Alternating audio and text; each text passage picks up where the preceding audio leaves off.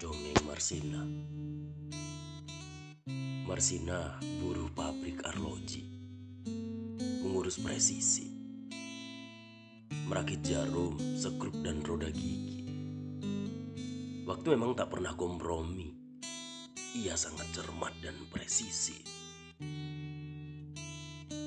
Marsina itu arloji sejati. Tak lelah berdetak memintal kefanaan yang abadi kami ini tak pernah banyak ganda, sekedar hidup layak, sebutir nasi. Marsina, kita tahu, tak bersenjata.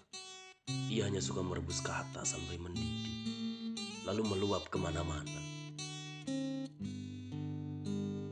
Ia suka berpikir, kata siapa, itu sangat berbahaya.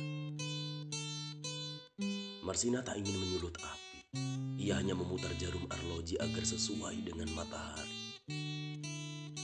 Ia tahu hakikat waktu, kata siapa, dan harus dikembalikan ke asalnya, debu.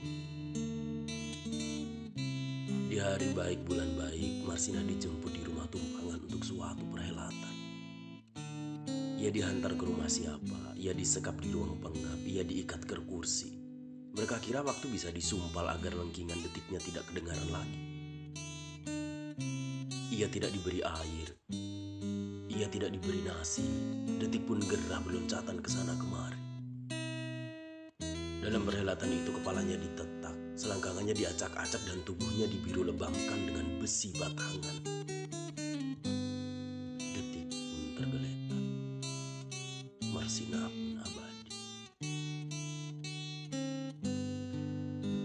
Di hari baik bulan baik, tangis tak pantas, angin dan debu jalan, klakson dan asap knalpot, mengiringkan jenazahnya ke Nganjuk.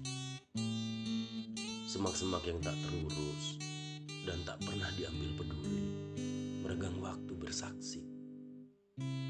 Marsina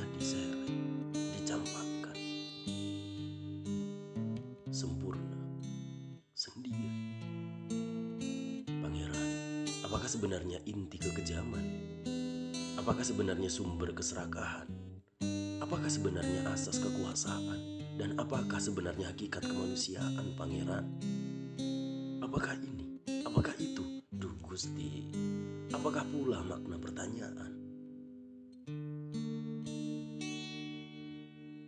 Saya ini Marsina, buruh pabrik arloji.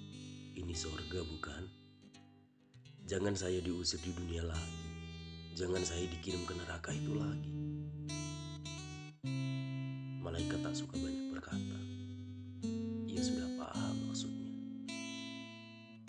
Apa sebaiknya menggelinding saja sebagai bola sodok, bagi roda pedati.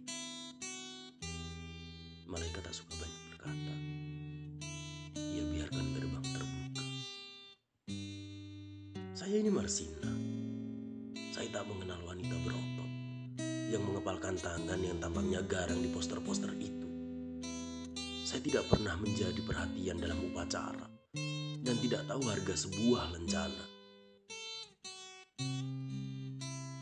Malaikat tak suka banyak berkata, tapi lihat, ia seperti terluka. Marsina itu arloji sejati di pergelangan tangan kita ini. Dirabanya denutnya di kita dan diingatkannya agar belajar memahami hakikat presisi. Kita tatap wajahnya setiap hari pergi dan pulang kerja. Kita rasakan detak-detik